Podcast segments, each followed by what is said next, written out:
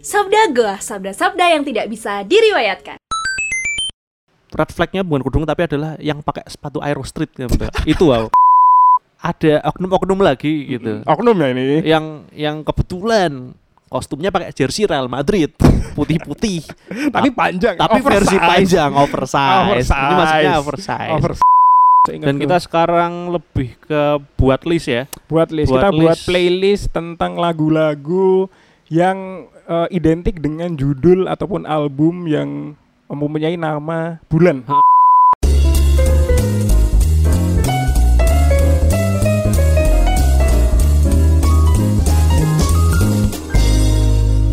selamat datang di podcast Sabda Goa Ayo dilanjut ke ngopo. Oh mending kamu nih. Sabda-sabda yang tidak bisa diriwayatkan Tetap dan selalu bersama Duet Wingback menyerang andalan Anda Ada saya Satria Abdi dan juga ada Ada Raja Hakim di sini dan kenapa kita ketawa ketawa karena kita bukan kita sih lebih tepatnya aku baru bertandang ke Markas ya? Markas besar IMM cabang Sleman ya berarti. Bener, selaku podcast buzzer Muhammadiyah nggak afdol kalau nggak turut apa ya berkunjung gitu Benar ke dan kantornya. Dan tadi baru ada orang lewat yang baru datang pas kita take podcast Pak. Pas mau opening. Jadi Iya. saya agak ketawa dikit gimana gitu. Nggak apa. Selamat hari Jumat dan selamat berakhir pekan untuk para warga Goa. Ya, Ya betul. karena uploadnya hari Jumat gitu. Jadi insya Allah ya dengerinnya kalau nggak Jumat Sabtu Minggu. Senin kayaknya udah nggak peduli. gitu. Sudah ada pekerjaan lain. Dan tidak lupa juga untuk selalu uh, menjunjung tinggi dan juga uh, apa namanya? mengapresiasi yang secara berlebihan terhadap uh, kantor cabang ya. Hmm, ya kantor cabang Ikatan Mahasiswa Muhammadiyah. Saya cinta IMM. Saya cinta Jaya Jaya Jaya. Akhir pekan yang padat padat game buat saya Eh, untuk kenapa? beberapa bulan inilah bu- dari akhir November sampai tengah Desember gitu Ya. karena ada acara lomba-lomba gitu. Oke. Angkatan alumni gitu loh. Ada bola minggu kemarin terus futsal lah. Kemarin aku tuh main bola tuh. Ternyata ya kan Capek? Iya capek pertama, tapi yang yang yang terasa berbeda adalah kan emang jarang banget yang main bola lapangan gede gitu pakai wasit Uh, uh.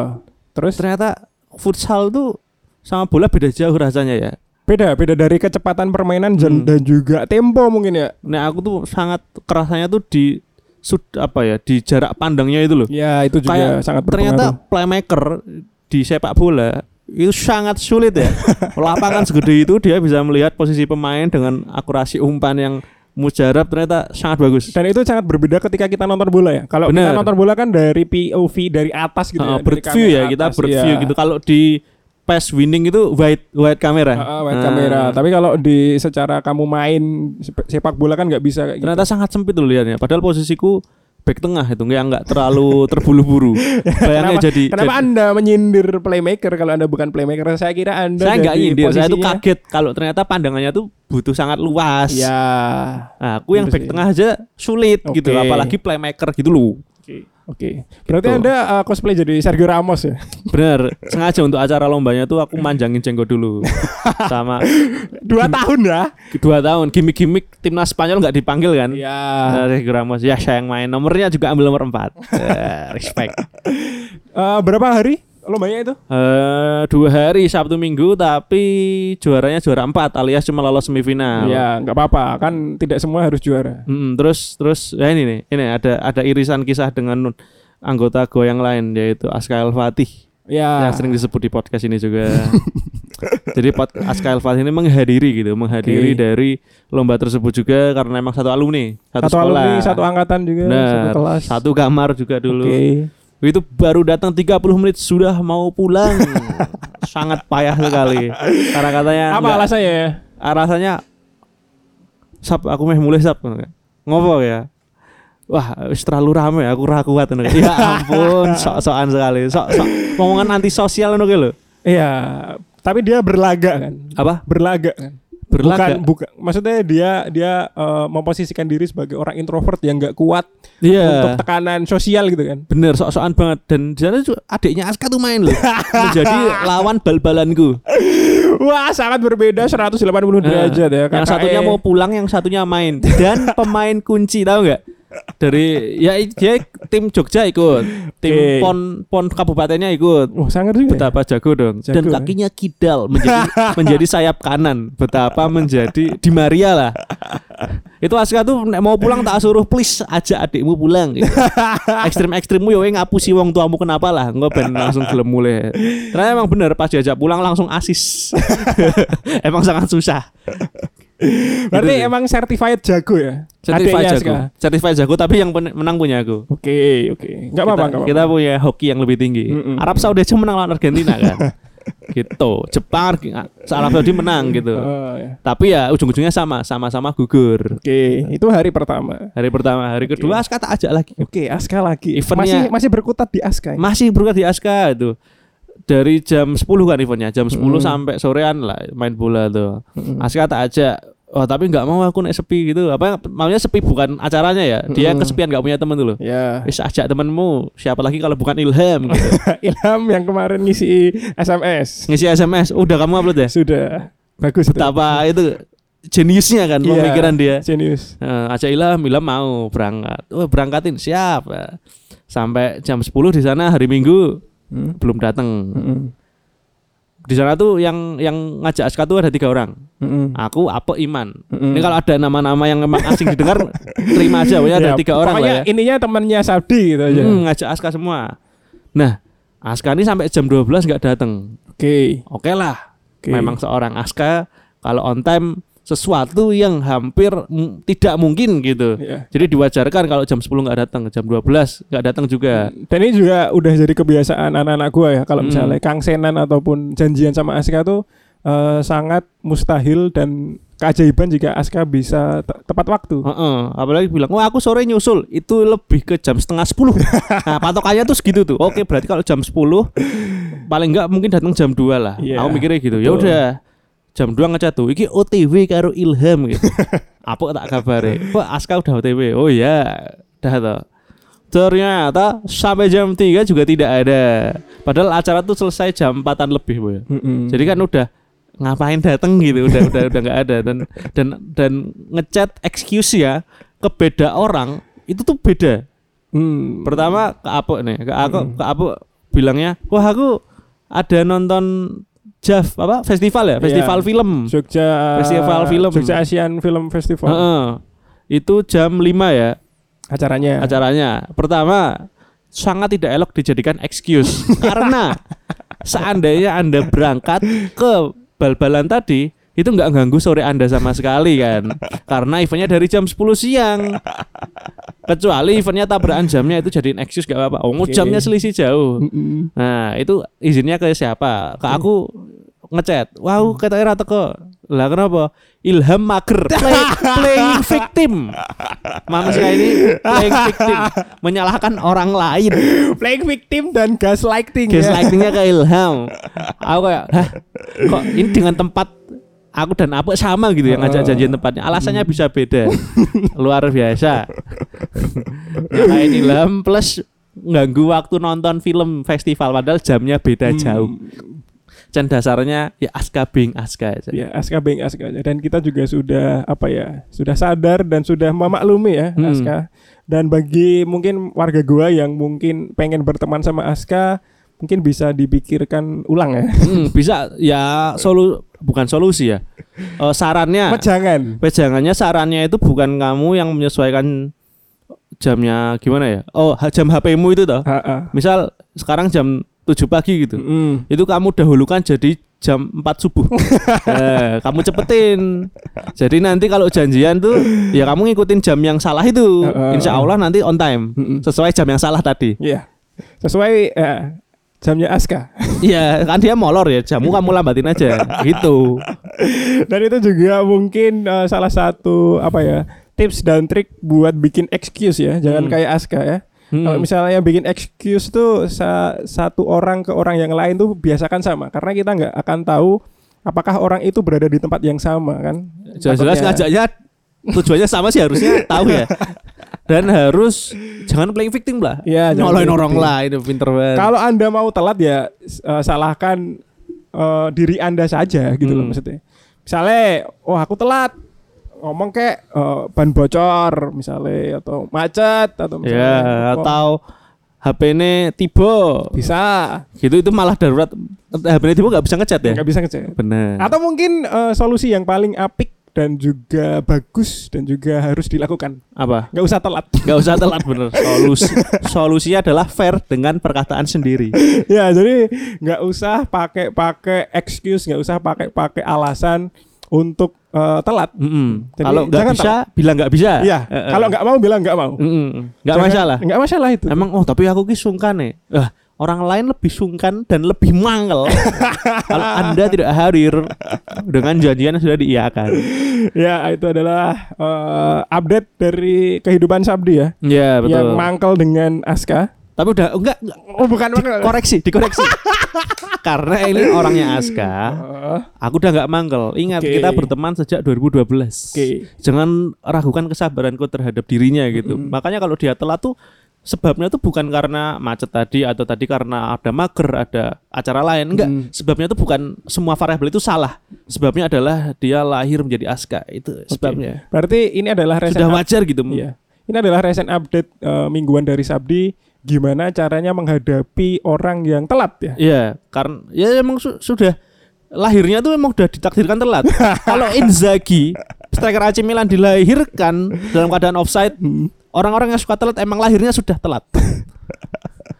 itu dokternya itu hadir satu jam sebelum lahiran itu memang ditungguin itu. Itu masih bilang nanti dok itu. Itu orang telat itu dari lahir udah dekep di dalam. Mungkin Aska dulu pas di masih jabang bayi Mm-mm. pas 19-10 hari itu Mm-mm. bilang wah mager ya metu ke kandungan paling. Dia tuh TK aja udah terbiasa telat kayaknya. Padahal diantri orang belum berangkat sendiri, tapi udah wah nanti nanti Dora belum selesai. Atau kartun Avatar ternyata. Saya udah terlatih gitu. Tapi Ya, emang temen, ya. kita mesti punya temen gitu ya. Eh baik kan mungkin pendengar gak kenal Aska gitu ya. Warga gua Mm-mm. gak kenal Aska tapi eh, mesti dalam satu lingkungan pertemanan ada tuh satu orang yang rutinitasnya adalah datang terakhir. Bener bener pasti ada atau mungkin ya bukan temen lah mungkin kolega kali ya Kolega, kenalan. kenalan Mm. tapi kalau kita sama sekali sudah berteman ya Jadi Alhamdulillah. toleransinya tinggi. Kalau kolega lebih mangkeli lagi. lebih Hmm. lagi Karena biasanya ada kepentingan toh. Ketemu kan ada kepentingan. Kerjaan klien jam 1 datangnya jam 3 kan Hmm, ngeselin juga. Atau kerjaan ada kerjaan partneran bareng gitu. Hmm. Terus nelat itu juga nyebelin tuh karena Iya. ganggunya lebih ke maslahat pribadi juga tuh. Mm-mm. Kalau kalau main biasa kan mungkin mungkin itu bukan jadi prioritas yang yang signifikan lah untuk kegiatan sehari-hari. Dan juga aku mungkin tadi agak telat sebentar ya. Mm-mm. Enggak se kayak Aska. gua gua gua kalau iya bisa nanti. Karena tadi eh, di rumah itu ditinggali dua keponakan ya. Hmm. Jadi eh, orang tua dari keponakanku itu yang satu kerja, yang satu juga kerja. Dan yang biasanya eh, nungguin keponakanku itu nggak bisa eh, nunggu karena baru ada rewang lah. Rewang acara adalah- desa. Eh, ada tetangga yang menikah, Heeh. yang ingin menikah terus ya itu yang Saling biasanya membantu, saling membantu lah intinya. menyukseskan acara. Mm, Terus eh, kedua keponakanku ini ditinggal di rumah. Nah itu kan ada dua orang keponakan yang laki-laki dan laki-laki. Laki-laki dan laki-laki. Dan eh, jarak waktunya tuh cuma setahun apa ya kalau nggak dua tahun. Hmm. Ya sekitar dua tahunan lah, dua, dua tahun kurang dikit dan dan aku eh, milih dong, milih kamu mau jagain siapa sama ibuku karena ibuku kan juga izin dari kerjanya biar Hmm. nungguin. eh, Wah, soal merepotkan ya. Iya, lumayan. Aku memilih yang tua, yang udah bisa diajak ngomong umur Hmm. sekitar empat tahun apa ya? Tiga tahun. yang lebih empat tahun. merepotkan saya limpahkan ke ibunda. Betul. Wah, resiko high risk high demand. Betul. Dan juga pas kemarin tuh adikku bilang eh, kalau dia minta beliin helm karena helmnya pecah jatuh. Random banget ponakan. Ya udah dong. Tuh kan Eh, beli beli jajan gitu. Maksudnya lagi dijagain karo kamu ome berarti. eh, eh, om ya. Ome. Om beli jajan, beli es krim lah, beli mainan lagi tuh helm. Betul. Respect, respect. Saya mengawali pagi ini dengan bangun pagi, kemudian tiba-tiba dijatuhi fakta bahwa dua keponakan saya di rumah dan harus menjaga salah satu dari keponakan saya. Ya udah saya ajak keponakan saya untuk beli helm. sangat, sangat seru kan? Lebih serunya lagi, ya. saya berangkat itu bukan langsung ke toko helm, tapi ke pasar bubrah. Pasar Bubrah tuh pasar dadaan gitu. Pasar dadaan yang hanya hadir pada hari tertentu. Biasanya Hmm. hitungan Jawa gitu loh. ya, dari Kayak Jawa. eh, Rebu Paing, bukan sih. Minggu Wage Hmm, terus atau mungkin barang-barangnya identik yang bekas-bekas gitu ya? Betul, Atau bekas-bekas. Spanyol juga enggak sih? Termasuk apa tuh Spanyol? separuh separuh nyolong. nggak tahu sih ya. Nggak tahu ya. Yang penting bekas Mungkin bisa. Second hand. Ya, tapi ya banyak juga yang eh, ngejual kayak spare part spare part motor Ya itu ataupun kayaknya Spanyol. nggak tahu juga. Kalau spare part itu mah copotan orang. Spare part gitu. motor atau mungkin juga eh, sandang ya, kayak baju, Hmm. jaket gitu mungkin baru-baru. Tapi Nah, aku sini- agendamu adalah thrifting helm. thrifting helm. Nah. Thrifting helm dengan membawa keponakan. Keponakan. Itu yang harus uh, digaris bawahi ya, Hmm. dan di highlight karena memang saya mengajarkan uh, culture kepada ponakan saya untuk uh, thrifting. Kan uh, anak sekarang ya nggak tahu dunia luar kan, Hmm. nggak tahu apa ya gimana rasanya untuk uh, negosiasi Hmm. antar penjual dan pembeli. Dan Nah, pinter-pinternya nyari barang. Benar, Dan benar. ini adalah se- sebenar-benarnya dan sejati-jatinya thrifting. betul. Bukan thrifting yang tokonya bagus dan harganya normal. ya, ini pasar bubrah real dong, culture. Culture, Culture untuk lah. Yang dodol ki biasanya ibu-ibu nera bapak-bapak sik karo udut Samsu. Dan mereknya tuh dia tuh emang merasa optimis dengan mereknya. Ini merek ya ini apa ini? Betul. Betul, tadi Padahal seperti itu. wa- Wawasannya nggak mencapai situ. Saya tadi ditawarin helm Bogo yang bukan Bogo dengan harga 120 second. Oh. Saya tolak mentah-mentah. Berarti memang tetap eh, tricky ya. Tetap tricky, tetapi dan penjualnya kayak gitu. Wah, anyar iki iso apik ngene anakku. Adol. BU sekali BTW. BU sekali dan saya menemukan helm dengan Bogo juga dengan kualitas yang lebih baik dan juga build, build material yang lebih baik dengan Hmm. harga cuma 60.000 saja. Nah, itu emang eh, cukup sulit ya untuk menemukan permata-permata di pasar bubrah itu. Betul dan saya harus bolak-balik sampai empat kali Lah, dengan terus keponakan saya karena Ponakanmu gimana tuh? itu ya nggak apa-apa ponakanku Happy-happy aja. happy happy karena, karena mungkin dia dia nggak pernah keluar ya misalnya Hmm. dia kalau keluar uh, ke mall kalau keluar cuma pas uh, main ke taman atau mana gitu Ah. jadi nggak tahu gimana sih caranya interaksi sama orang Hmm. gimana caranya uh, handle keramaian yang Hmm. bener-bener ramai kan pasar bubrah ramai yang sini jual salep yang sana jual Baju. tidur Terus salep pengbesar kepala. ya udah terus tadi habis itu pulang ya udah ternyata eh, ibunya tuh ibunya penandu ya Hmm. yang kakak iparku. Hmm, Benar. Iparku ternyata udah pulang langsung langsung pulang jadi dia Hmm. kayak izin gitu cuma dia absen terus dia pulang ya udah terus eh, sebelum ke sini juga eh, ternyata kan saya tadi ngambil mixer ya Benar. mixer saya taruh di Saka FM Jogja radio Ya. di Kauman lah Di radio. otomatis perjalanan dari eh, Saka FM ke kantor cabang IMM kan melewati titik nol. Titik 0 kilometer. Bisa, lewat Ya. situ bisa. Ternyata macet parah, Pak. Heeh. Saya eh, dengan sengaja melambatkan motor saya untuk membaca banner Penyebab kemacetan yang tersebut. penyebab ke- kemacetan. Ternyata Ada banyak demo tuh. banyak orang yang demo dan berkumpul. Bukan demo sih. Oh coba Ada- ada- apa? Tulisannya apa nih berarti Ada nih? banyak orang. Orang. yang berkumpul di 0 km yang menyebabkan kemacetan. Oke, bawa banner. Bawa banner dan saya melambatkan motor saya dengan tujuan untuk podcast ini ya. agar materi dan culture saja. Emang emang emang kita tuh kalau ada keramaian di wilayah Jogja tuh kita datangi. Kita datangi. Murni hanya sebagai bahan podcast. Dan caper aja. ternyata, Pak, ternyata bannernya bertuliskan aksi kemanusiaan dan galang dana untuk korban gempa Cianjur. Cian- Oh ya, Jawa Barat lagi bencana gempa minggu kemarin ya. Minggu kemarin kita juga udah berbelasungkawa dan Heeh. sampai sekarang juga masih mengucapkan belasungkawa dan juga berduka cita Hmm. eh, atas meninggalnya korban-korban dan eh, keluarga yang ditinggalkan. Iya. Tapi Tapi apa? Di apa nih? Di Nolki ada apa?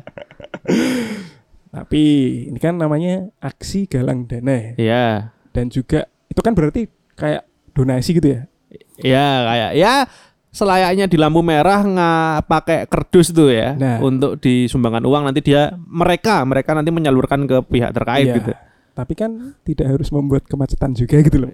Iya. Saya kan saya kan banyak orang yang juga ingin kerja untuk cari duit yang Mm-mm. UMR-nya naik 100 7% ribu itu loh. gitu. Maksudnya Bener. maksudnya kan Mungkin kalau emang maslahatnya nih, maslahatnya tuh berkumpul di Nolki untuk kepentingan demo yang menyuarakan banyak orang lagi lebih banyak orang itu kan satu wilayah tertentu dengan akibat bencana ya. Tapi kan Yes. kemarin ada yang BBM atau Mm-mm. ada undang-undang dan macam-macam. Rasanya kalau dibuat macet masih lebih lebih nggak apa-apa yang itu nggak sih? masih lebih bisa dilogikakan Heeh. menurutku. dan kalau misalnya yang ini tuh kayak ini tuh Kayaknya kayak galang dana tuh nggak Eh, perlu dibuat dibuat macet tuh nggak Iya. nggak bisa bisa Iya. lo nyebar nyebar ke daerah wisata itu tuh bisa lo betul sendiri sendiri betul gitu. loh. maksudnya terus nanti dibikin tim beberapa orang terus nanti ya Mm-mm. Ya bikin Ya karena gimana caranya gitu. konsepnya galang dana kan bukan unjuk rasa kan betul beda konsep ya. itu itu Iya kan? ingat ini kita tidak eh, me- menuding Bukan bencananya bukan loh. bencananya dan bukan juga Korban-korbannya korbannya bukan. bukan juga eh, apa yang mereka eh, lakukan dengan hati gitu loh, Hmm. tapi lebih ke caranya, teknisnya. teknisnya. Itu loh, yang perlu digarisbawahi itu. Hmm. Jadi bukan bukan kok kita nggak setuju, bukan kok kita wah, ini mau ngomong wae orang Nyu- melu orang nyumbang. orang nyumbang. Aku ndongo kok. Pada kira hijab apa? ya itu. Nggak tahu sih. Mungkin teman-teman yang eh, warga gua yang mau bikin donasi atau penggalangan dana bisa diperhatikan untuk teknik donasinya. Hmm. Jangan Karena orang sampai nanti kalau nggak nggak nyumbang kan jadi males juga wah macet lah Oh. males nyumbang itu malah nggak tersalurkan tujuannya tidak Mm. tercapai kan malah targetnya nggak tidak respect sampai juga sama Hmm. gerakan yang dilakukan gitu Hmm. loh. Kayak yang kasus kemarin kan juga ada tuh di Cianjur juga. ada tuh jadi ini memang ada beberapa catatan merah ya Catatan untuk merah. tragedi di Cianjur bukan semuanya Bukan semuanya. bukan semuanya dan Oknum. oknum lah oknum dari warga ya Heeh. warga selaku korban juga Mm. dari gempa yang terdampak di daerah Cianjur. Yang pertama tuh ada yang dicegat game apa Mm-mm. mobil bantuan Berbantuan. mau melewati mau men- menuju ya mau menuju, Mau menuju ke tempat desa A. yang mau iya desa yang cukup jauh terisolir Mm-mm. gitu. Dan itu harus melewati perkampungan B. Iya harus melewati daerah-daerah lain dulu. Mm-mm. Belum nyampe daerah A sudah dicegat oleh warga-warga yang dari kampung di depannya tadi. Eh, kampung B tadi Heeh. ya. Dan kalau nggak mau nurunin barang disuruh balik. itu sangat serakah ya. Sesama korban loh itu. Sesama korban dan juga sesama apa ya? Ya korban ya, victim ya. Iya, iya. Maksudnya ya udah kalau sana udah dapat lanjutin setelahnya gitu. Terus Hmm. ada apa lagi tuh? Ada juga eh, mbak-mbak yang protes. Mbak-mbak yang proses tuh. Protes, kenapa kok bantuannya tuh mie instan? Mie instan terus Eh, bukan buah dan sayur. gitu. sayur, bukan eh, makanan yang bergizi. Nah, Maksudnya ki, Mbak, ini kan kondisinya darurat mm-mm. dan juga belum ada akses listrik yang mumpuni Hmm. untuk daerah-daerah yang benar-benar hancur dan rusak ya. Mm. Kalau misalnya dikirim bahan mentah, mau gimana awetnya? Anda Awetnya pertama. dikirim daging hari ini, besok sudah busuk. Nah, ya kalau bisa masak, peralatannya mbok kira tenda-tenda itu alat masaknya udah kayak dapur master chef. kalau kalau mie kan cuma butuh panci toh. Panci, butuh panci dan air, api. kompor, dah. Dah, Nanti mau makannya di panci lagi ya bisa. Gak usah pakai piring gitu kan. bisa. Lah kalau kamu dapatnya asparagus, Pak Coy, iya kan dan bahan-bahan dari eh, Wagyu ya- ya- A5. Iya bahan-bahan dari Yami Premium itu kan sulit gitu. Dan ini kan cuma untuk sampai Sementara, Sementara. Mbak, sementara. Kita bandingkan kita warga Jogja ya. Kita Ya, kita- kita, jangan Wang Sinawang, kita Wang Sinawang nih. Kita, Kita, Wang lihat Sinawang dengan kita yang juga sebagai penyintas Oh. dulu waktu gempa 2006. daripada wah ini podcastnya cuma bacoti orang yang lagi terdampak. Wah gempa juga. Sana berapa skala Richter? 5 kan? Lima. Jogja 6 Kita udah melebih mendekati KKM KKM-nya 7 eh, eh, Senior dong Senior, Senior. Sudah lebih duluan 2006. Nah, 2006 Belum ada media sosial dan macam-macam yang ngetren ya. Belum Terus Hakim rumahnya mana? Hakim Roya Bantul. Tuh lempengnya di situ Tuh yang nyaris mati di sini Mbak Hakim bukan saya yang baru gempa, habis gempa ada isu tsunami di mana? Di Bantul. Bantul. Itu pun sampai Sleman kalau itu. Itu sampai Baru sampai ring road utara itu toh. Airnya udah sampai ring road barat. Wow. BTW laut bukan di barat Di selatan. Salah mak bohong ya Jangan salah matangin gitu. Itu trik yang digunakan para penjara ya. Iya maling. Nah waktu itu kan juga Jogja terdampak Dan dan kayaknya polanya nggak separah itu ya. Atau mungkin karena nggak ada media sosial aja. Mm-mm. Tapi kalau menurutku ya, menurutku lebih dalam tanda kutip lebih sedikit oknum-oknum yang kayak gitu. Mm-mm. Jadi kalau kita misalnya dibantu kan ba- dibantu sama Australia, Jepang ada semua iya, toh. Prancis juga ada. Prancis ada dikasih Indomie Australia loh yang ya, bukan Indomie berarti mie Australia ya mie instan Australia itu dikasih sampai viral di Jogja itu mie Australia mie berarti ya. Australia mie itu nggak ada rempah-rempahnya hanya rasa tepung nggak sambat udah alhamdulillah Aku di pengungsian ada yang namanya nasi tim. Jadi ada nasi terus buatnya di eh, guyur pakai air panas air panas. Rasanya oh, kaya nasi aking. nasi aging dan teksturnya tentu elek dong sangat tidak nikmat itu tidak sambat gitu jadi Tidak ayolah sambat. kepada senior senior korban gempa ini ya uh, audiensi dulu Audiensi gimana dulu. cara menyikapi bantuan gempa dengan tetap sopan dan sopan dan bijaksana. Heeh. Karena tidak mungkin kalau ada korban-korban yang Hmm. terlewatkan gitu loh dalam tanda kutip ya. Pasti eh, dijamah. Heeh. Iya, pasti dijamah dengan semaksimal mungkin oleh para relawan-relawan ini. Heeh, untuk yang desanya paling jauh ya ayo struggle dan sabar untuk Hmm. bantuannya sampai yang desanya dekat ya jangan diambil jangan diambil dan jangan menutup jalan dong. Heeh, terus ada lagi tuh Kim dapat ini dapat bantuan nih Heeh. bantuan berupa karena rumah-rumah sudah jatuh semua, ambruk semua. Bantuannya adalah tenda hunian Oke, sementara. hunian sementara ya ini. Nah, dan yang mengirim tenda tentu instansinya macam-macam. Macam-macam Di karena Muhammadiyah ada MDMC, Hmm. pemerintah yang buat, terus Hmm. ada dari gereja, bantuan dari pihak gereja juga ada. dari Dan namanya instansi tentu ibarat pensil lah, pensil 2B aja kita kasih nama gitu. Mm. Ya ini ya tendanya tentu ada nama instansinya. Hmm, Tapi ya nggak apa-apa dong kemanusiaan kan. Kemanusiaan. Semua orang boleh membantu demi kemanusiaan dong. Boleh. Kita kan satu menyetujui hal itu dulu ya. Hmm. Oke. Ya, terus ada oknum-oknum lagi gitu. Oknum ya ini. Yang yang kebetulan kostumnya pakai jersey Real Madrid, putih-putih. Tapi panjang. Tapi versi panjang oversize. Ini maksudnya oversize. Oversize. Oversize jersey Real Madrid itu disobek gitu apanya namanya nama instansinya itu Hmm. dicopot dengan Karena- dengan dalih nggak mau dapat bantuan dari gereja yang notabene berarti anti agama lain lah Hmm. gitu. Apakah ini agamanya tertentu?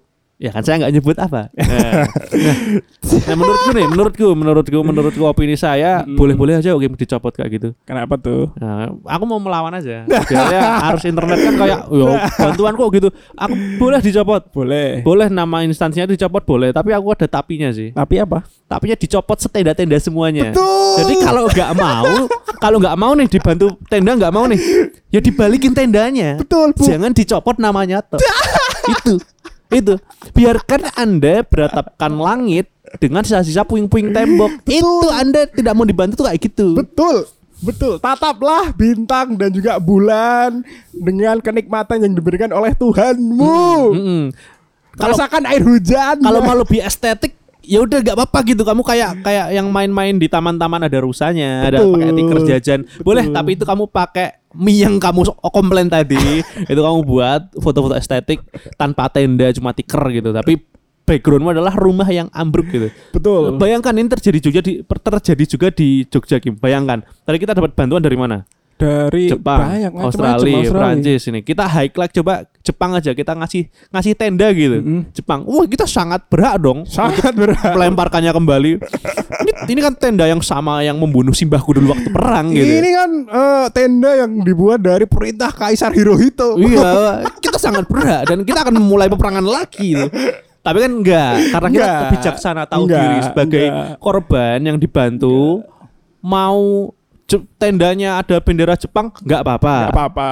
Ada gambar Naruto enggak apa-apa, Nggak kita apa-apa. terima. Atau kalau misalnya tenda dari Prancis terus ada tulisannya Napoleon Bonaparte, Enggak nggak apa-apa.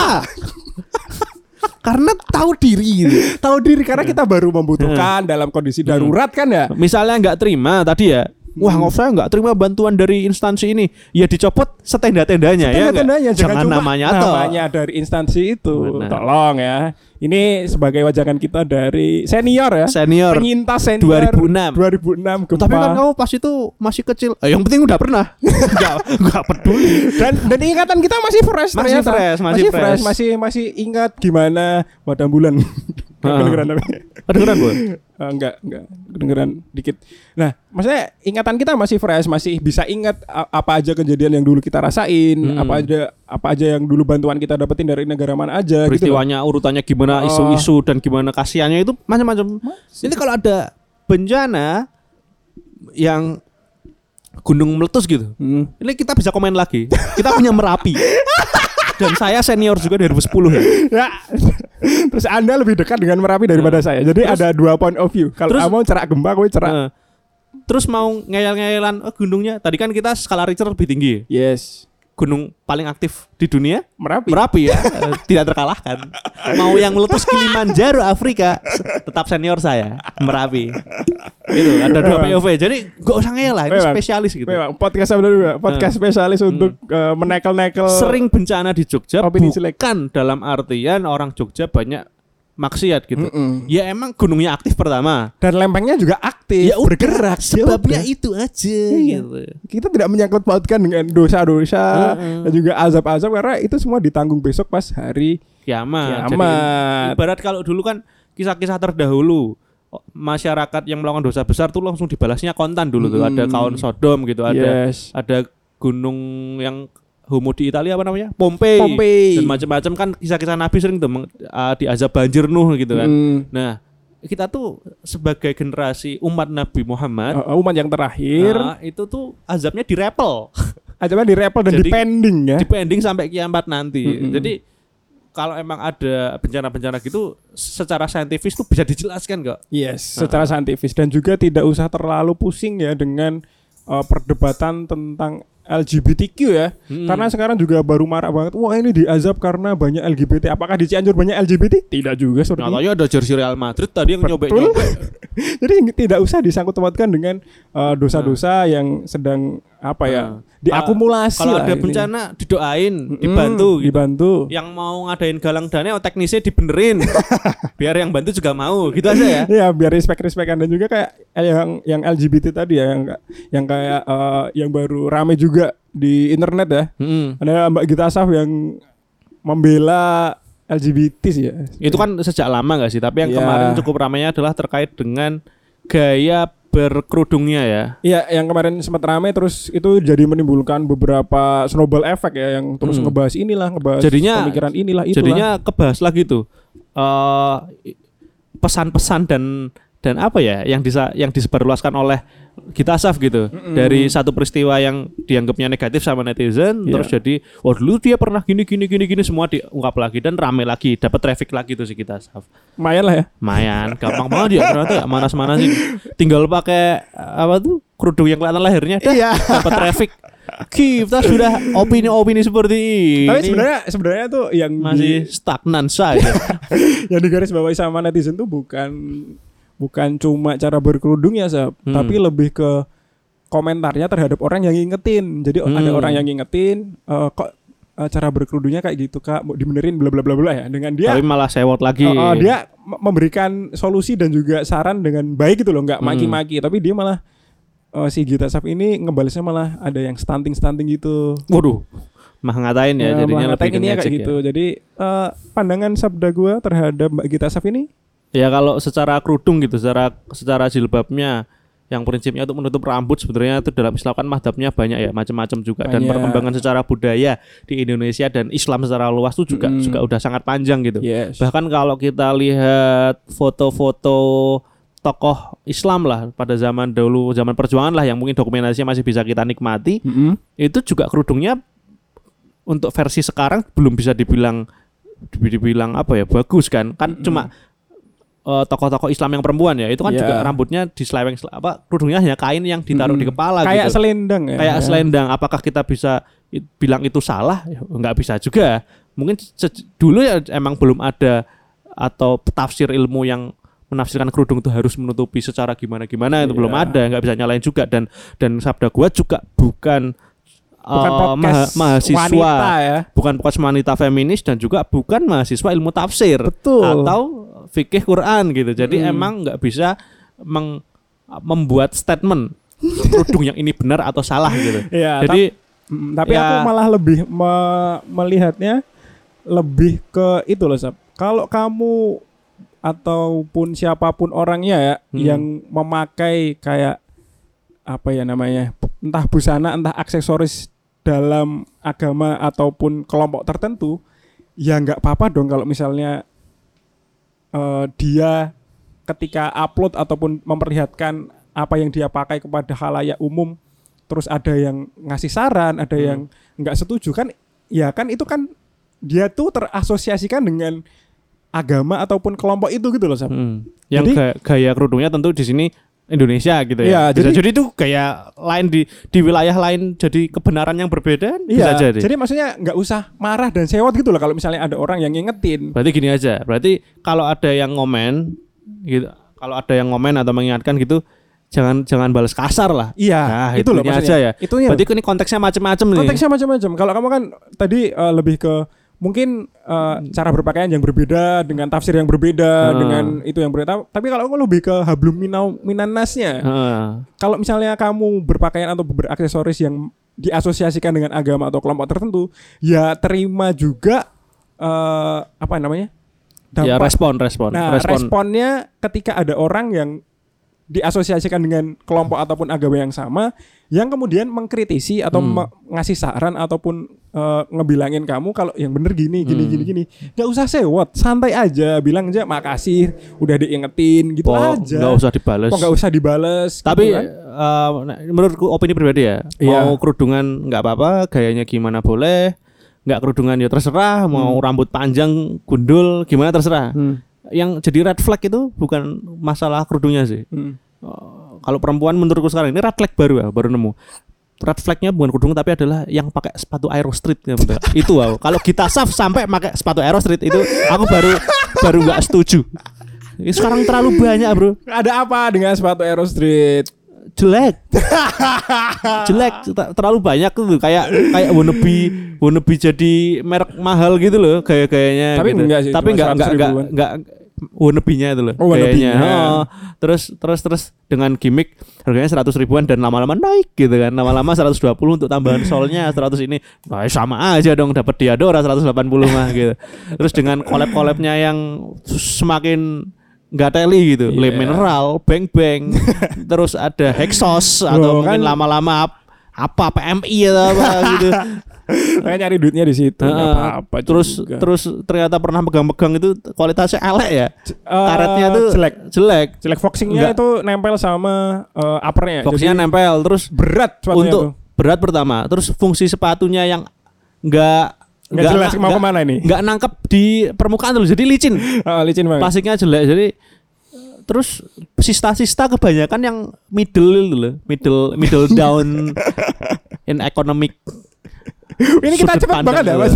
Ya, Pak. Perpindahannya dari Cianjur dari RGBT ke Gita Saf ke sepatu Aero Street sangat ramah show bridgingnya. Wah, baru kepikiran baru kepikiran red flag red flag sekarang pribadi gue adalah sepatu Aero Street bener. Sepatu Aero Street. kayak terlalu umum dan jelek gitu Enggak apa-apa. Mendingan kamu beli sepatu Ventela yang Lebih Ventela. nyaman. kualitasnya malah bagus itu lokal Ventela kalau mau Patrobas. Lebih nyaman lagi aku Iya, nyoba ini Ini kita kayak podcast sepatu boy. iya nggak apa Langsung eh, update di recent update terakhir aja.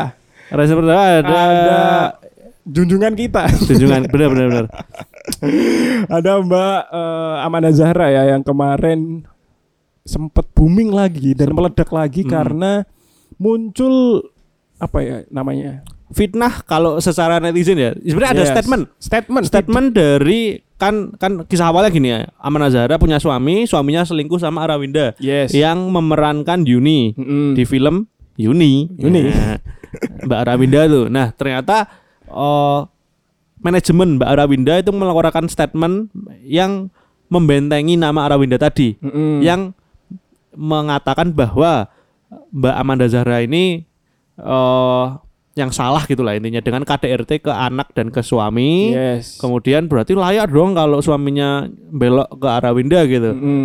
Terus ju- juga menyalahkan suaminya Mbak Arawinda yang PDKT dengan Mbak Arawinda gitu. ya Tuh, dengan love bombingnya, chattingnya, pengen ketemuannya dan ya ya protes PDKT lah ya. ya Ya, sampai ke tragedi tank top ungu ya yaitu selingkuh di rumah dan di kasur Mbak Amanda Zahra. Wow, Hmm. sangat ngawur gitu. Sangat Nah, B.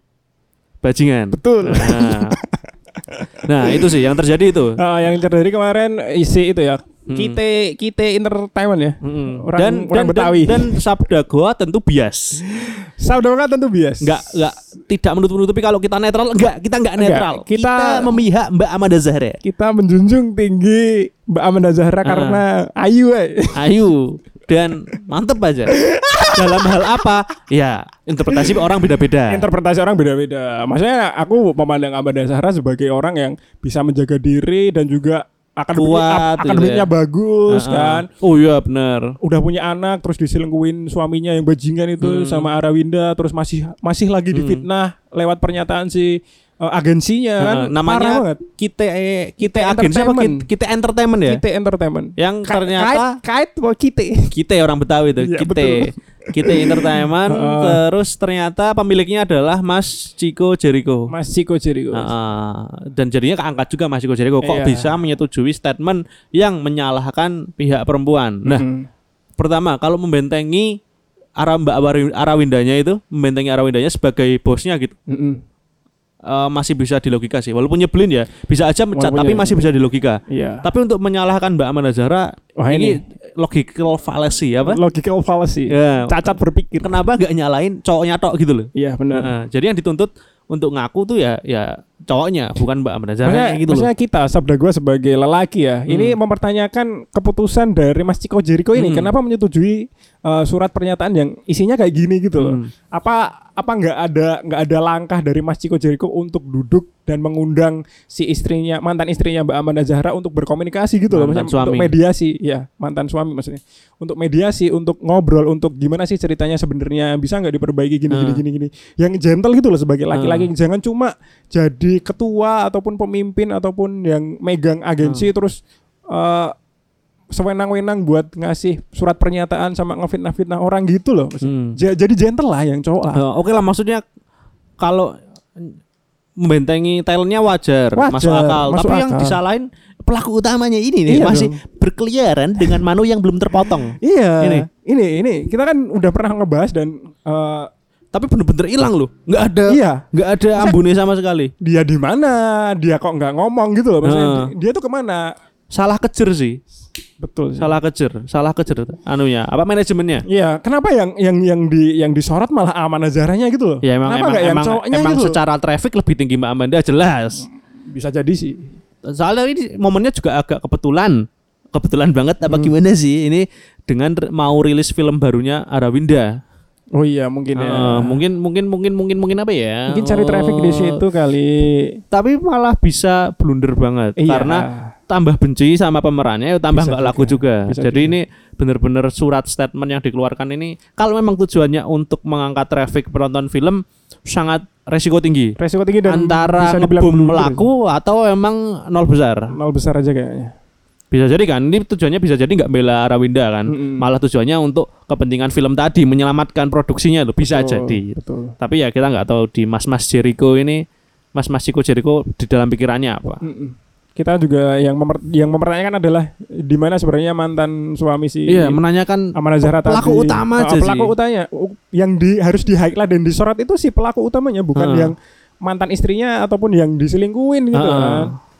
Ya kan? Benar benar. Otomatis Mbak Amanah Zahra juga.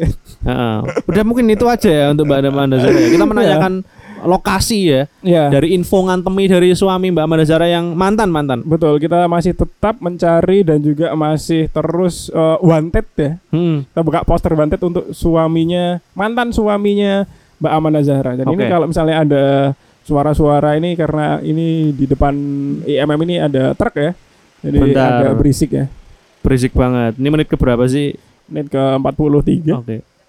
Oke, lanjut. Ya, eh, berhubungan dengan apa topik yang kita bicarakan pada minggu pertama di Pekan bulan pertama. Desember ya. Selamat Desember juga Selamat Desember para warga pekan gua. pertama. Kan pertama kita ngebahas pop culture dan udah lama juga kita nggak ngomongin tentang musik dan lagu ya. Hmm. Terakhir ngomongin musik itu episode sebelum comeback ya. Heeh.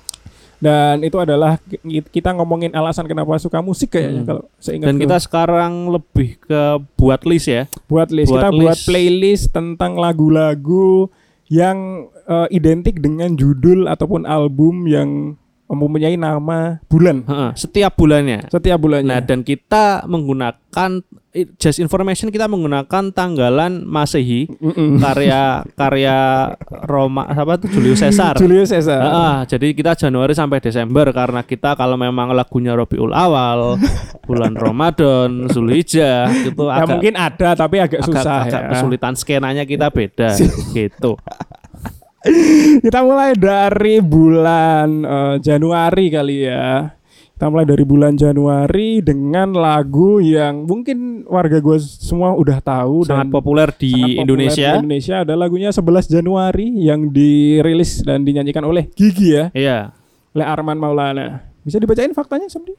Eh, faktanya adalah lagu 11 Januari dari Gigi ini dirilis pada tahun 2007 dalam album Peace, Love and Respect dan single tersebut tercipta gara-gara ancaman cerai dari sang istri, dari Arman Maulana, dari vokalisnya. Bukan dong. Eh, dari, dari- istri- dari istrinya Arman Maulana. Ya maksudnya dari istri Arman Maulana yang biasanya nyanyi di OVJ kalau kurang lengkap. Ya, namanya dulu. Dewi Gita. Dewi Gita itu mengancam untuk cerai enggak atau bercanda atau enggak ya Iya. pokoknya ada ancaman perceraian kisahnya kemudian karena Arman Maulana selalu lupa dengan tanggal pernikahan jadi kalau Enif itu lupa mulu Iya, nah akhirnya dijadiin lagu. gimana nggak lupa jadiin lagu sama Mas Arman Mm-mm. Maulana Ini- dan booming Iya. jadi yang ingat sekarang bukan Mas Arman Maulana tapi satu Indonesia Bener. resikonya sekarang ternyata yang Enif satu Indonesia Ini juga bisa jadi alternatif juga buat kalian warga gua yang mungkin sering lupa ulang tahun pacar Hmm. atau ulang tahun ibunya mungkin Hmm. bisa dijadiin lagu atau sajak atau puisi kali ya. Hmm. Biar bisa culture banget dan juga tetap nginget-nginget eh, ulang tahun ataupun hari-hari dan tanggalan yang spesial. Ya, tapi kalau emang yang akeh gitu dan macam-macam mungkin puisinya jadi banyak ya. Tiap hari Nanti jadi bisa ada jadi kumpulan puisi itu, Iya. jadi buku. dan isinya judulnya tanggal semua. Mungkin kita bisa play lagu kali ya. Atau mungkin nanti deh editingnya gimana ya? Tiba-tiba muncul aja Iya, nanti. tiba-tiba muncul aja.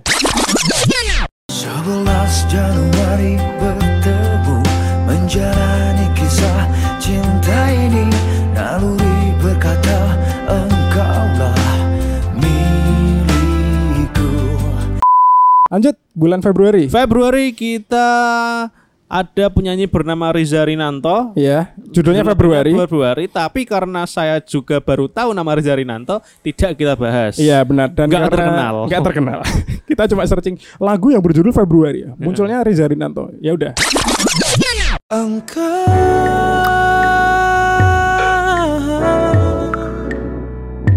Dalam jarak pandangku Namun bukan milikku Selamat untuk Mas Riza Rinanto telah debut di podcast Sabda Gua. Betul, karena saya tahu acara-acara musik di TV tidak bakal menayangkan lagu Anda. karena terlihat memang tidak familiar. Oke, untuk bulan ketiga bulan Maret ada lagu apa, Kim? Ada lagu judulnya Maret 89 dari God Bless ini eh, band yang skenanya rock di zaman 90-an ya. Hmm. Dan 80-an mungkin yang kalau mungkin warga gua tahu itu penyanyinya Ahmad Albar ataupun yang bisa dipanggil Iya ya. Hmm. Fun fact, Mas Ahmad Albar ini sebenarnya Habib. Beneran, sebenarnya keturunan Beneran keturunan Nabi Muhammad kan Habib kan. oke. Habib. Tapi memang karena tidak mau dikenal sebagai Habib dan memang jalur karirnya itu bukan dakwah, Oke. tapi musik jadi pengennya tetap nama biasa aja. Tapi kan emang mukanya kan emang Arab banget kan? Iya Nama aja Ahmad Albar. Iya iya iya. Tapi memang Tapi Ahmad Albar juga Indonesia bisa sih. Kita kan pakai nama-nama Arab juga.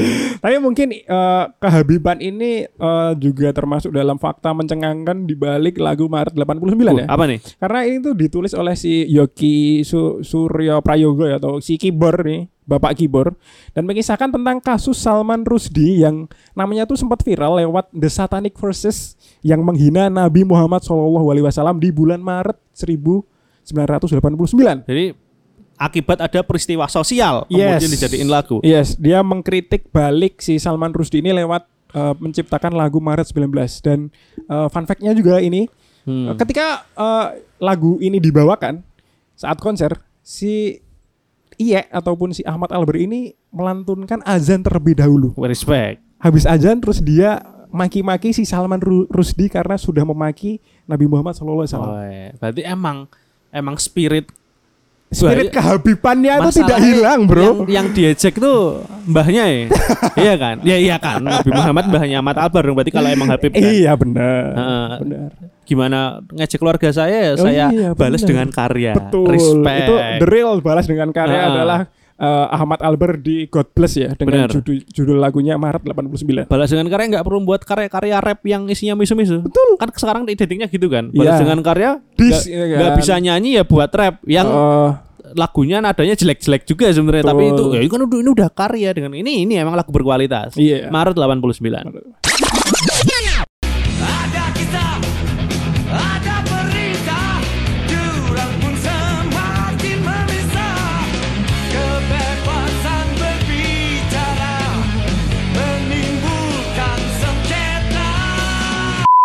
lanjutnya ada April Fiersa Besari. Rasa dibahas lah ya. Karena mungkin emang agaknya Firsa Bersan ini terkenal sebenarnya. ya, terkenal dan kayak nggak kayak Reza Rinanto tadi. Iya, nggak Tapi kayak sebabnya kita nggak bahas karena kita nggak pengen bahas Mas Firsa. Kalau ada Aska El Fatih di sini pasti maki-maki Bung Firsa Besari. Betul. Kita nggak bilang lagunya jelek. Tapi kita nggak pengen. Iya, kita Ya. nggak pengen eh, membahas Bung Firsa. Heeh. Ya, udah, itu aja. Saat kau terlalu rapuh Pundak siapa yang tersandar Lanjut, ada, Lanjut, ada bulan Mei. Mei. ya. Dengan judul juga Mei. Hmm. Ini sangat culture sekali karena yang Penyanyinya- menyanyikan penyanyi adalah, adalah Kangen Band. Kangen Band.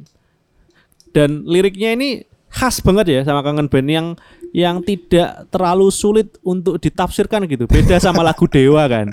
Dewa kan kadang kita nyanyi aja eh Harus hafal sih mikir-mikir. hafal, tapi maksudnya mikir-mikir. apa sih? Nah, Iya. tuh sangat-sangat misalnya bacain ya beberapa dua bait ya, dua, Dua bait pertama. penggalan bait Oke. atau Mei kau telah berubah, jadikan hidupmu hampa. Akhir cerita kita telah sirna. Mei maafkanlah aku, cepat lari penggantiku. Cepat cari penggantiku karena aku tak lagi bisa temanimu. Ya, emang sakit hati meninggalkan perempuan aja sakit intinya. hati meninggalkan perempuan di bulan Mei. Udah. atau atau mungkin namanya, Namanya perempuannya Mei. Mungkin ini Mail. ya ya paling nggak ada unsur Mei-Meinya lah. Heeh. Kan juga Mei eh, si misalnya yang diceritakan oleh lagu Kangen Band itu perempuan bernama Mei pasti Hmm. lahirnya Mei dong.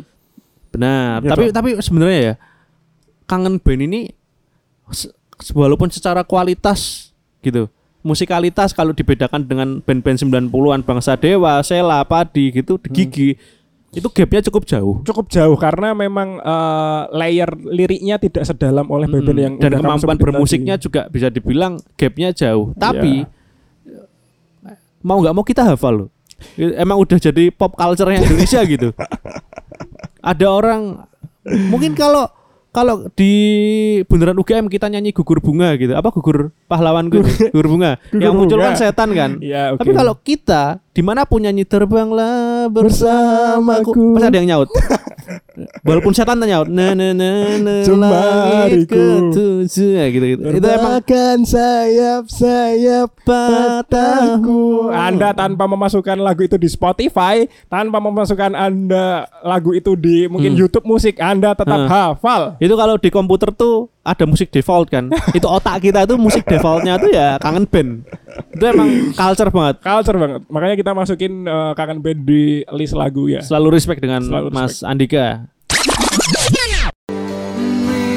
Kau telah berubah Jadikan hidupmu hampa Akhir cerita cinta kita telah sirna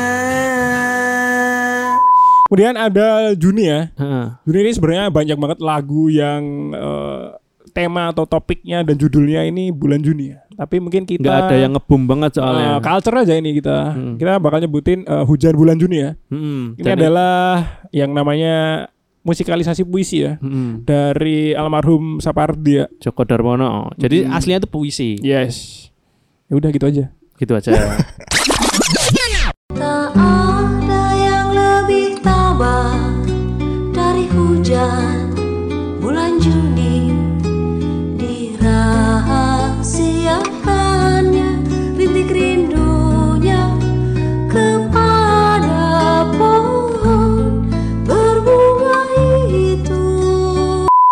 Terus lanjut habis Juni ada Juli. Juli ya ini Juli ini agak spesial karena ada lagu yang berjudul Rain of July. Terjemahan yang tadi.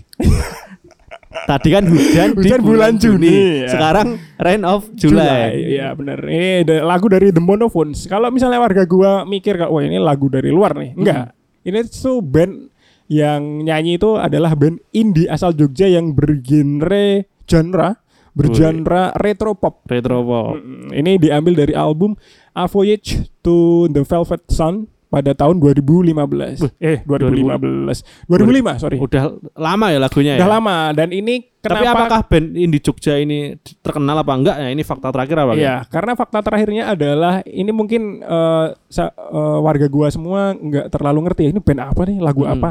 Karena ini culture-nya adalah eh, di filmnya. Hmm. Jadi lagu Rain of July ini jadi eh OST ataupun backsound ya. Soundtrack. Soundtrack nah.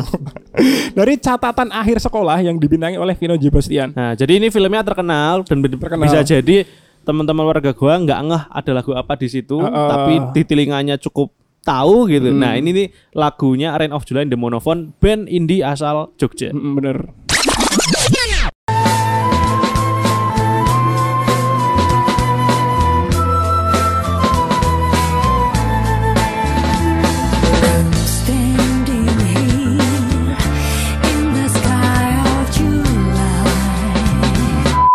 Kemudian bulan apa sih? Bulan Agustus. Bulan Agustus ada Tentu. 17 Agustus tahun 45. Iya. Judulnya apa sih resminya sebenarnya? Hari Merdeka. Hari Merdeka judulnya, tapi kita semua fun fact-nya tahunya 17 Agustus tahun 45. Ya. Ini adalah lagu yang diciptakan oleh Husain Muntahar atau Muhammad bin Husain Al Muntahar. Ya, beliau lahir di Semarang tanggal 5 Agustus. Wah, Agustus juga. 1916 dan wafat pada tahun 2004 tanggal 9 Juni. Ya. Umurnya panjang ya. Panjang. Beda panjang. beda abad ya. Iya, ini Bapak Husain ini adalah tokoh pramuka dan kepanduan Indonesia era 1945 sampai 1961. Oke, dan beliau ini diminta langsung oleh Presiden Soekarno untuk membuatkan nyanyian atau alunan musik penghormatan pada pagi hari. Hmm. Gitu. Dan malah dijadikan lagu nasional ya. Betul, lagu nasional yang 17 Agustus.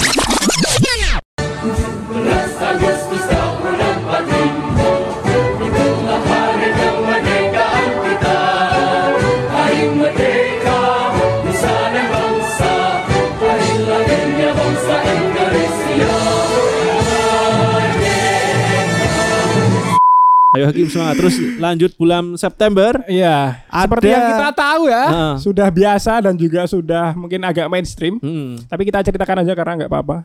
Nah, daripada teman-teman cuma buat story tapi nggak tahu ceritanya. Nah, Iya. ini ceritanya.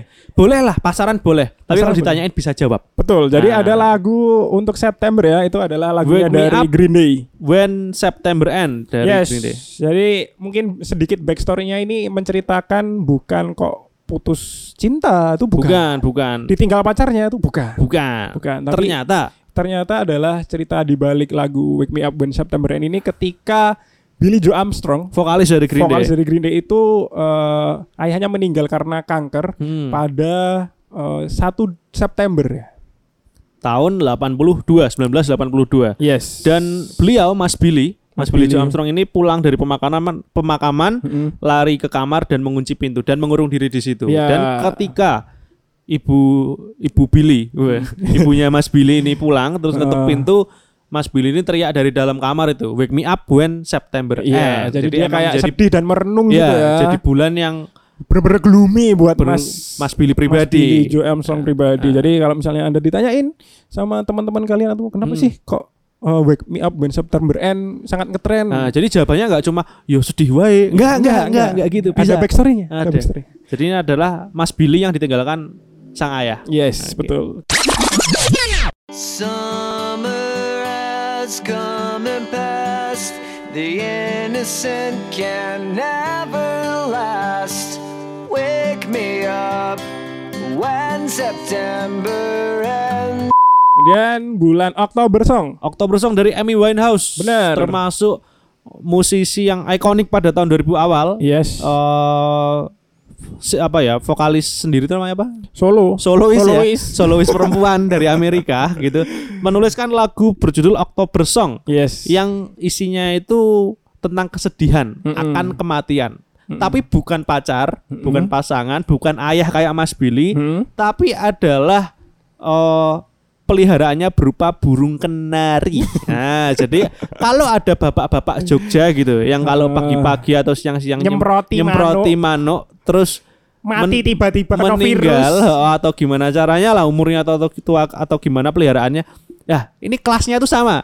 Bedanya mereka nyanyinya cicak rowo, Didi Kempot. Kalau ini Mbak Amy Winehouse buat lagu yang ngetren secara internasional. Namanya Oktober Song ya. Ya, jadi karena kesedihan burung kenarinya meninggal, mati. tapi ada interpretasi lain dari fan-fansnya. Jadi sebelum Mbak Emi ini apa ya menelurkan backstorynya ke Yes. wartawan gitu, malah fans-fansnya tuh nganggep wah ini sebenarnya kesedihan Mbak Emi terhadap dia yang jatuh ke dunia marijuana. Ya, tapi nggak Gitu. apa-apa sih bebas. Gak apa, interpretasi beda. Walaupun Yes. udah interpretasinya udah sangat dalam terkait dengan kehidupan pribadi nyeritake manuk. manuk yang mati ya. Jadi kadang oh bisa jadi lagu-lagu yang terlihat dalam itu Iya. kalau penyanyinya disuruh nyeritain biasa wae, jangan-jangan.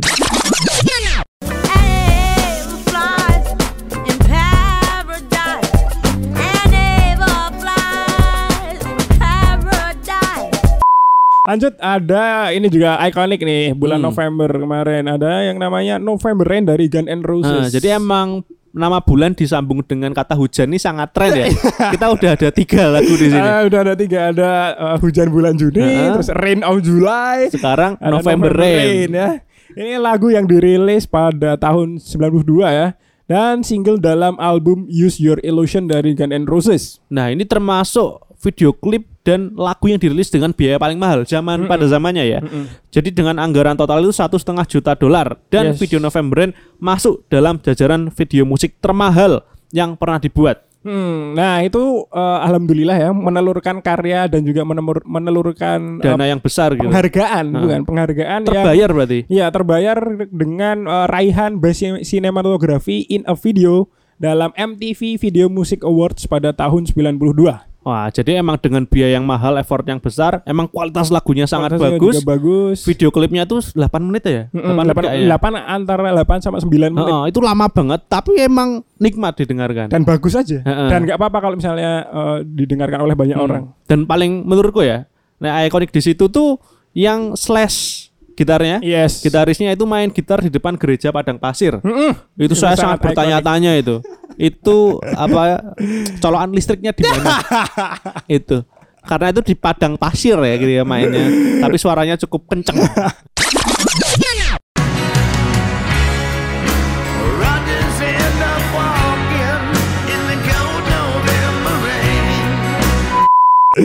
Ya, yang terakhir ada bulan Desember ya, bulan yang baru kita tapaki be- Hmm. beberapa hari ya. Eh, ini sebenarnya kita bingung mau milih lagu yang mana karena banyak juga lagu yang ada judulnya Desember ya. Ada ya dari- karena emang kesetresan dan kesedihan itu dirangkumnya di bulan Desember. Betul juga, Jadi bisa jadi. Buatnya di situ. betul juga. Lihat awal-awal lagunya biasa aja, ya kan? Awal tahun tuh masih memupuk harapan yang Masih- baru gitu. Masih cinta-cinta ya. Tadi Heeh. 11 Januari kan nikah. si nikah. Terus awal Februari malah nggak terkenal kan? Senim- seniman belum produktif kan? Belum apa bulan Februari. Nah, Desember tuh kita sebutin aja ada tiga ya. Ini kita ada Neck Deep dengan lagunya Desember juga, ERK juga Desember kan. RK apaan? ERK, efek rumah kaca. Oh, beda skena. nah, ini, ini skena aku banget. Apa tuh? Ada Taylor Swift. Back to Back December. to December. Ya, ya. Oke, berarti masuk Taylor Swift aja yang aman. Taylor Swift aja. Taylor Swift seperti biasanya lagu-lagunya itu tentang pacarnya yang nggak tahu yang mana karena memang banyak dan dijadiin lagu semua. Jadi emang fans ini selalu berspekulasi lagu ini buat pacar yang mana. Dan yang Back to December ini spekulasi besarnya untuk Taylor Lautner. Mm-mm. Yang nama-namanya sama-sama Tyler dan kalau teman-teman nggak ngeh Taylor Lautner yang mana itu kalau di film Twilight itu yang jadi serigalanya. Ya, yang dia tiba-tiba bisa jadi berubah ya. Ya. Ke- Mas-mas ganteng rata-rata dari serigala war Ya. war gitu. dan di Indonesia jadi ganteng-ganteng serigala. itu sangat eh, remake yang jelek gitu. Ya, Mas Taylor Lautner ini eh, jadi tokoh yang baik kali ini. Mm-mm. Gitu. Kalau biasanya kan Taylor Swift buat lagu tentang dia yang tersakiti. Nah, ini dia yang menyesal karena telah menyakiti Mas Taylor Lautner. Hmm. Jadi apabila dia bisa kembali ke bulan Desember dan mengulang dan memperbaiki momen tersebut, dia mau. Tapi sayang waktu kan tidak bisa diulang lagi. Iya. Wes. Anda cukup mendalami Taylor Swift juga ya. culture aku. Taylor Swift Tarbiyah ya. kita bahas Taylor Swift berani aku.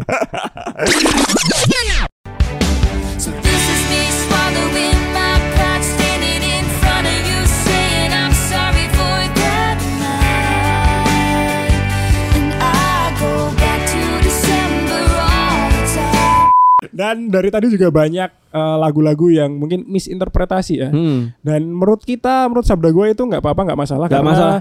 eh, karya seseorang atau musisi ataupun seorang penulis puisi mungkin Seniman lah, mau seniman lukisan, mau lukisan apa pun gitu. Itu kalau misalnya sudah eh, berani dipertontonkan kepada publik itu Hmm. publik bebas untuk eh, menginterpretasi apa arti dari karya tersebut. Bener. Kita kan datang ke lukisan juga nggak mungkin kita seret senimannya ke mana-mana tuh. Pak, ini maksudnya apa? Pak kok goresnya gini? Kan Iya, enggak kan? Kita iya. ya nonton, oh kayaknya kayaknya maksudnya gini. Dan Ya, emang asiknya tuh di situ. Iya, asiknya- Bagaimana kita mengartikan suatu karya seni Mm-mm, dalam dan- wujud apa pun ya. Iya, nggak cuma lagu tapi juga lukisan juga Hmm. bisa, puisi juga bisa, cerita pendek juga bisa, Hmm. novel juga bisa, dan Podcast juga bisa. podcast juga bisa. Tapi kita nggak mau dibantah dan nggak mau dimisinterpretasi sama kalian. Makanya kalau misalnya kalian nggak setuju sama kita, boleh langsung main sama kita aja, biar Hmm. kita ngobrolnya bener-bener eh, intens dan juga kita ngerti satu sama lain. Hmm, Gitu se- se- ya. Ya itu aja mungkin untuk episode pop culture pada minggu pertama di bulan Desember ya. Hmm. Selamat bulan Desember, semoga tetap bahagia di akhir tahun ini. Dan tidak membuat lagu-lagu kesedihan. Jadi ini kan sudah to us again. Good morning, good afternoon, and good night. Yoroshiku onegaishimasu.